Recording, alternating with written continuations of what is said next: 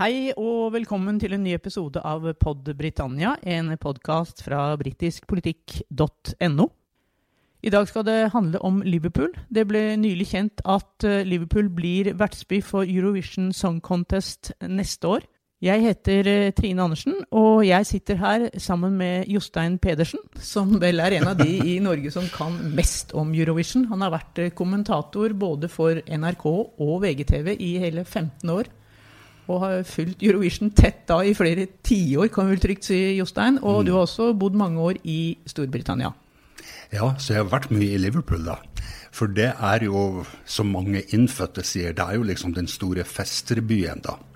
Og de har jo lovet altså århundrets fest når de skal arrangere neste år. Og det tror jeg vel på sett og vis at de klarer, da, med sin entusiasme. We shall never surrender. The pride in who we are is not a part of our past. It defines our present and our future. The people of Scotland have spoken. England, Scotland, Wales, Northern Ireland together, taking us forward, unleashing the potential of the whole country. Order! Ja, Jostein. Eh, England eller Storbritannia vant jo ikke Eurovision i år. Hvorfor i all verden er det de som da skal være vertsby neste år? Nei, de ble nummer to. Men så var det jo Ukraina som vant, og de måtte jo si ifra seg arrangementet. For det ligger jo i statutten at når du vinner, så skal du arrangere og betale neste år. Men av naturlige årsaker så kunne jo ikke Ukraina det. Og det er jo både naturlig at det ble andreplassen, som jo da er BBC, som jo sendte den britiske eh, deltakeren, som ble nummer to. Men det var jo også litt eh, automatikk i det at det skulle bli eh, BBC. Dette er den niende gangen de arrangerer. Så har det jo vist seg f.eks. med, med dronning Elisabeths eh, jubileum og selvfølgelig begravelse at dette kan de, og at de kan pomp og prakt, og de kan direktesendinger. Så jeg tror vel ikke at det var noen tvil. Men så er det jo britene selv som bestemmer eh, hvilken by det blir. Ja, og der var det jo mange som, som konkurrerte, Jostein. Det var jo faktisk til å begynne med faktisk 20 byer, var det ikke det? Ja. Og så ble det til slutt Glasgow, og det ble Liverpool. Ja. Og jeg snakka med deg litt før det ble bestemt, og da var du ganske bestemt på at det kommer til å bli Glasgow, og det trodde også bookmakerne. Ja. Hvorfor trodde du det? For det første så er Glasgow mye større, det er jo en millionby. Og for det andre så er det jo den største byen i, i Skottland, og jeg var sikker på at det var en sånn her bølge av eh, uavhengighet og frihetsfølelse som eh, jo preger sko skotsk politikk veldig, og store deler av Storbritannia nå. Og at de skal jo nå bevise at dette kunne de, og dette var Skottland, og det var Glasgow. Men så ville de jo ikke det, da. For det, det Liverpool vant på, det var jo nettopp det at de skulle hedre Ukraina. Dette skal være den ukrainske festen, men den skal foregå i Liverpool, som jo har jo musikalske anere, som vi vet, som jo nesten ingen andre byer kan måle seg med. Så det var vel Ja, enten liker man det ene, eller så liker man det andre. Og Liverpool har jo også en vennskapsby som heter Odessa, som vel også Ja, eh, mm. var ganske viktig her, forsto jeg, når avgjørelsen ble, ble tatt. Det var det, for begge er jo meget viktige og store ø, med, havnebyer. Og begge har jo sitt ø, historiske i, i behold, ikke sant. Så enten man liker det eller ei, så er det jo en del av historien. Og jeg tror det har noe med det der vennskapsbåndet å gjøre også. Men det tror jeg nesten man må være innfødt for å forstå noe av. For det at Liverpool er en havneby, det tror jeg man aldri vil glemme. Og eh, så er det jo en vakker by, syns jeg. Det er en viktoriansk by med viktoriansk eh, arkitektur. Og det syns jeg jo er veldig flott, fordi at den er jo uforstyrret av krigen og, og sånt nå har jo kunnet leve. Og så ble den jo selvfølgelig et av sentrene og eh, ofrene for eh, Margaret Thatchers politikk, som rett og slett la ned alt av tungindustri og skipsverftene og sånt. Og den der rare lukta av sjø og hav og slipp og verksted, og du hørte de der dunkene i det fjerne, det eksisterer jo ennå ikke.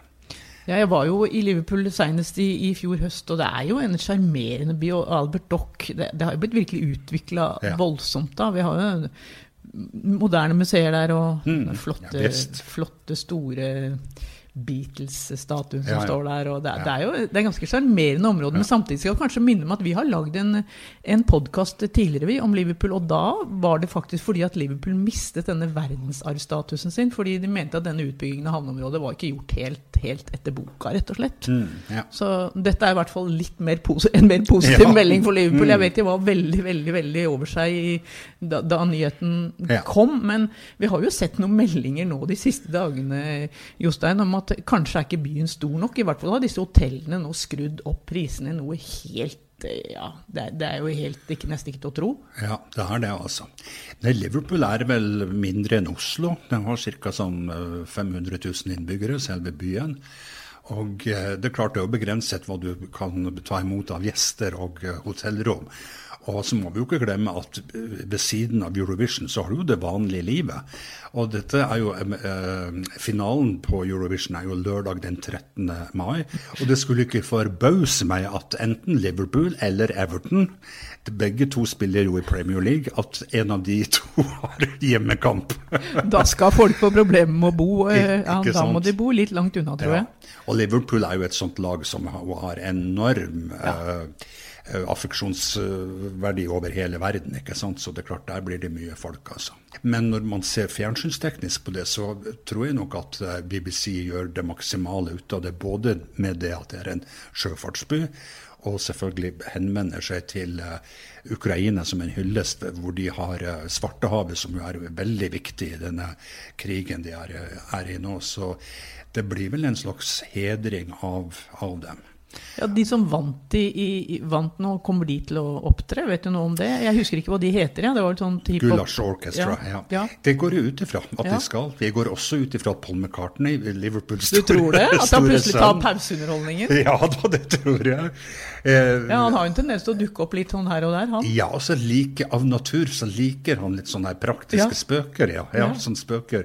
Og jeg, han har jo ingenting med Grand Prix å gjøre, sånn Nei, nei. sett. Men uh, han har jo selvfølgelig mye med musikk å gjøre, og han er jo Liverpools store sønn. Til tross for at flyplassen i Liverpool heter John Lennon International. Så musikken gjennomsyrer jo alt der. Men at det blir en hyllest av Ukraina, det tror jeg nok. Og det har vel også en sånn viss formening om at hele Storbritannia har det, i, øh, i hvert fall i, i det siste med den siste verdenskrigen vi hadde. Det var jo Storbritannia som tok imot jødene både fra Ukraina, og fra Polen og fra daværende Sovjet. Sånn at de har hele tiden dette her båndet, at de skal ta vare på folk derifra. Og det overlever den dag i dag. Men du, hvor stort arrangement er dette her egentlig? Du har jo vært med på det veldig Mm. mange ganger. Du, det er verdens største underholdningsprogram. Det er nå én ting. Og så er det vel Begynner jo å bli veldig sjeldent nå at eh, ved siden av sport, så er det veldig sjelden at det er noe som foregår direkte. Men det gjør altså Eurovision. Alt foregår direkte.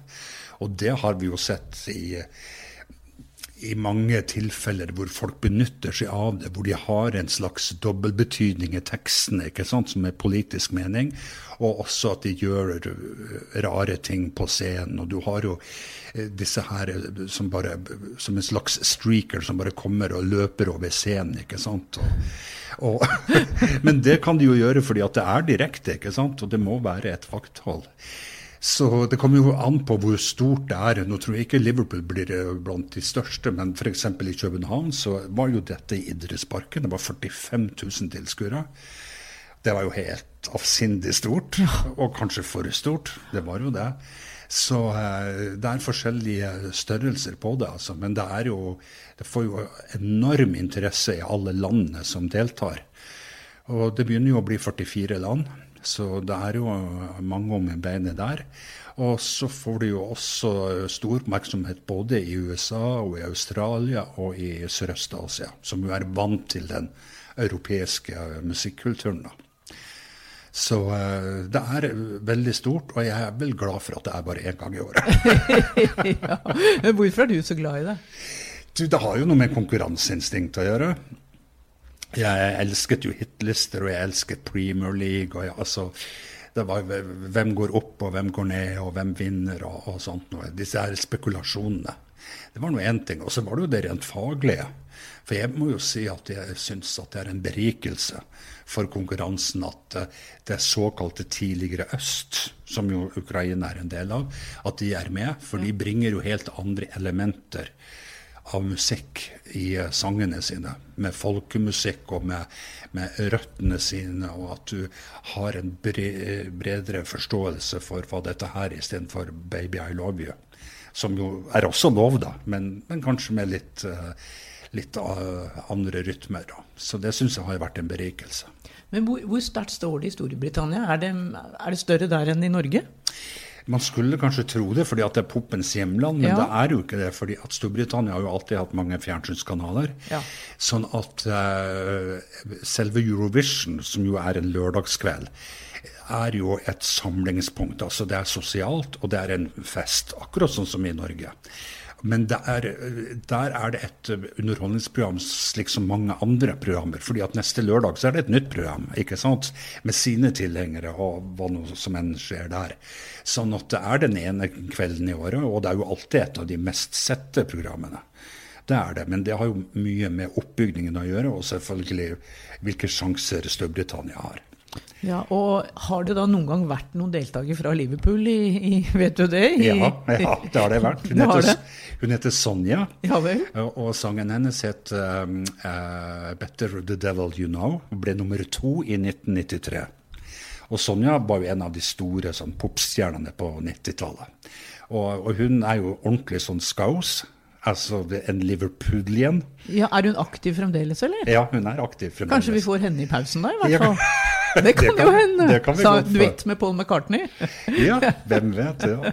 Så, men det var sånn typisk eh, popsang, og, og, eh, og, hun prater jo den opprinnelige Liverpool-dialekten, så, eh, så hun virkelig står fram for byen sin, altså. Det gjør hun. Ja.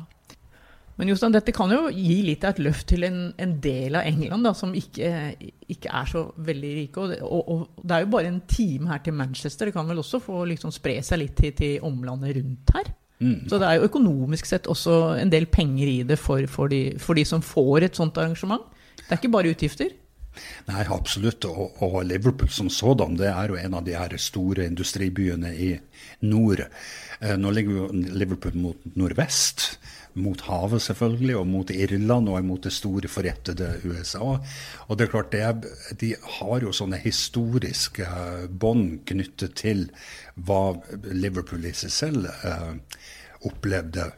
Og det gjorde jo hele Nord-England. Og så er det jo det med at eh, det er jo ikke, for oss nordmenn så er det jo ikke så store avstander. altså En time med toget, det gjør vi jo fort.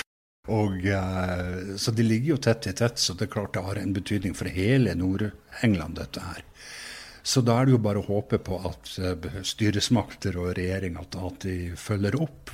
For det er klart at det er én ting å, å, arrangere Eurovision en gang i året, men det er jo noe annet å holde det ved like og liksom bli uh, den musikkbyen igjen, og bli det der kultursentrumet igjen, som de jo virkelig håper på. Ja, Minn oss litt på hva slags musikkby Liverpool er. Vi kjenner jo liksom, Det vi aller fleste tenker med Liverpool, det er jo fotball, og det er The Beatles. Men det er mm. litt mer? Ja da, og The Beatles var jo en del av det som jo blir kalt for Mercyside, ikke sant? som jo er oppkalt etter elva som munner ut munner ut i havet. Og det, som, det, er jo noe med at det var en havneby. ikke sant? Du skulle ut det var ikke bare liksom i kjellerlokalene i Liverpool. Du måtte ut, du måtte til London for å bevise hvem du var. Og sånn som Beatles, de hadde jo en stor karriere i Tyskland, altså på reperbanen i, ja, i, Hamburg. Og det er klart det var det der med at de skulle ut, de måtte se noe av verden. For det lå, alle hadde en onkel som reiste i utenriksfart, ikke sant. Og alle hadde en, en fortid på en pub hvor du fikk høre historier, og ikke minst musikk fra eh, andre land.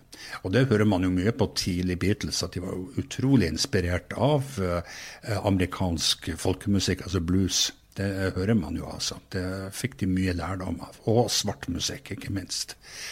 Så det har du den arven. Og det som også er i, i nord, er jo at de har en uh, veldig god utdannelse sånn generelt sett. Så det er mange som går på klassiske konserter. Og de har et utrolig miljø når det gjelder klassisk musikk og, og musikere. og og det er jo sånn som er vokst opp av lokale kulturskoler, sånn som vi kjenner her fra Norge, men som mer eller mindre er drevet på frivillig basis der. Og som de sier i London, ja ja, noe må du jo ha å gjøre i de mørke høstkveldene. og midt oppi dette her så har du det for oss nordmenn, da, som jo er LIPA, som er Liverpool Institute of Performing Arts, som rett og slett bare blir kalt for Paul McCartney-skolen. Det er altså Paul McCartney som eier en sceneskole, rett og slett. Og der er det sang, og det er musikk, men det er også stage management. Altså de som passer på alt som er på scenen, hvordan man lærer seg det. Det tror jeg er et treårsstudium. Det er no mange norske som har gått der? Ja, og det er ja. utrolig mange nordmenn som ja. har gått der. altså. Og eh, så er det jo sånn når det er eh, eksamenstid, så kommer Paul McCartney og deler ut eh, eksamensdiplomet. Så det er en stor dag. Så han har et stort hjerte for byen sin, og selvfølgelig faget sitt. Det er stas, da, å få er, diplomet fra Paul McCartney selv. Ja, det er veldig stas. Det er det. Og, han, og der ser du også, han har jo også begynt med klassisk musikk, ikke sant, og ville prøve seg på det. Så eh, jeg tror nok at alt kan forklares med, med musikk. Men du, skal vi, skal vi, helt til slutt snakke litt om uh, historien til, til britene i Melodi Grand Prix? Ja. Kan du minne oss Hvor mange ganger har de vunnet? Har du del i, i hodet ditt? Mm, nei, men jeg vet at de har vært 15 ganger på nummer to. 15 ganger? 15 ganger, Så det er veldig Og det med faktisk ting som har blitt veldig populære? Ja, det er jo ting som har blitt veldig ja, populære. Ja. Kan du ikke nevne noen som liksom bare trigger oss litt grann der? Ja, f.eks. 'Congratulations' med, med Men, Cliff Richard. Den ble også nummer to, ja. Den ble nummer to. Der kan vi jo ta allsang med en gang. Med ett poeng. med et ja. poeng. Det er jo den som vant. Det var jo f.eks. 'Love Shine a Light' med Katrina and the Waves. Den vant jo. Og det var jo det var veldig stort. Det var en litt mer sånn ballade. Ja. Og så har du jo Lulu. Hun vant jo også. Ja, hun er jo faktisk fra Glasgow. Uh, det var i 1969. og... Uh, ja, Men det er liksom andreplassen de huskes for, ja. og nå i de senere år så har de jo gjort det veldig dårlig. Ja, Men det var altså andreplass nå? ja, nå var det andreplass, ja. ja. Så egentlig han som kom på annenplass nå, som ikke jeg husker navnet på akkurat nå, det er i, det er i god, god britisk tradisjon, det da, Jostein? Ja, ja, virkelig. Det var det. Han heter jo Sam Ryder. Og melodien heter 'Starman'. Og den er jo litt sånn, sånn gammeldags, men det betyr jo at folk faller jo inn i refrenget etter én omgang, rett og slett. Og så er han blitt litt av et folkeeie i Storbritannia, for han er så like til. Og grunnen til at han har blitt kjent, er jo at han er på TikTok og synger sine versjoner av kjente sanger. Men dette var jo selvfølgelig en originalsang, da. Så han har langt hår og skjegg og ja, stiller opp i sånn T-skjorte og olabukse og sånn. Og så er han veganer og er totalavholdsmann. Så han er jo helt motsatt av hva en popstjerne var. Veldig skikkelig, egentlig. Da. Veldig skikkelig, men ikke sånn belærende. ikke sant? Nei. Han bare har det så artig, bare han får den grønne nypeten sin. så, så er, han, er han veldig glad. Men han har jo den stemmen, da. ikke sant? Ja. Og det er klart at det har jo øh, britene skilt seg ut på. De har jo flotte artister, men så har det jo vært som, så som så med sangene. For de har jo kommet sist ganske mange ganger nå i de siste årene. Men nå plutselig så smalt det til. Har de, har de slått Norge? Har ikke vi også kommet sist veldig mange jo, ganger? Jo, vi har det. Så ja. vi har liksom vært i samme Vi har konkurrert litt der. ja, vi har det. Så, men det går jo Ja, en slags historisk sannhet om at eh, Storbritannia er poppens hjemland. Og den lever de etter den dag i dag. Men har du noe, du som da har vært igjennom og holdt jeg på å si, nå, det, det, kom litt feil ut, Jostein, men du som da har vært med på veldig mange finaler på, på helt nært har du, nært hold, har du noe favoritt? Som liksom står ut som den, den sangen eller den melodien som Ja, den. Mm. Det er min. Ja. Nå er jo dette en konkurranse som har vart i over 60 år. Ja, og det har jo endra seg litt fra Voi Voi og sånn som det. var fra Norge en gang i 1960, eller når Ja. det var. Så tror jeg at vi alle sammen vi har eh, vårt eget tiår. Mhm. Og det tror jeg er det tiåret hvor vi var tenåringer, og hvor vi på en måte oppdaget ikke bare musikken, men også TV og, og makten der. ikke sant? At du kunne se en levende artist på fjernsyn, og så sang den artisten til deg. Jeg tror det har veldig mye med det å gjøre. Så eh, sanger som jeg liker liksom sånn på 2000-tallet, det var jo det er jo sikkert noe nytt som jeg aldri kunne ha tenkt meg å, å høre på f.eks. på 1970-tallet, da jeg var tenåring. Men nå var du veldig diplomatisk, altså. Ja, ja. nå, så, nå snakka du litt rundt den der. der. Ja Vi får da, ikke ut noe noe av ja. deg her. Skal vi se eh, Vinneren i 1972 det var Vicky Leandros med 'Après Trois'. Og eh, Hun hadde nyvaska hår, og så hadde hun svart ballkjole. og hun eh, sto eh, Hun var en sånn ordentlig sånn Eurovisjonskalkun, hvis du kan kalle det det. Hun var altså gresk, og så hadde hun base i Tyskland. Og så sang hun på fransk for Luxembourg. Så ingenting stemte der, ikke sant. Men det kunne du gjøre. Og Luxembourg de, de hadde jo stadig vekk folk fra Ja. mange forskjellige land, så ja, jeg husker. Ja, de var så Ja. få, vet du. Så hun sang, og i de tider så måtte man synge inn sangen sin på forskjellige språk. Så hun sang eh, après inn på sju forskjellige språk. Oi. Blant annet Come What May på engelsk, og var jo en kjempeslager i, i eh, Storbritannia. Og Dan Kamst Do i, i Tyskland. Sånn at det var en ordentlig sånn der eh, Eurovision-slager. Med uh, hjelp fra Luxembourg selvfølgelig, og fra Hellas og fra Frankrike, der komponistene bodde.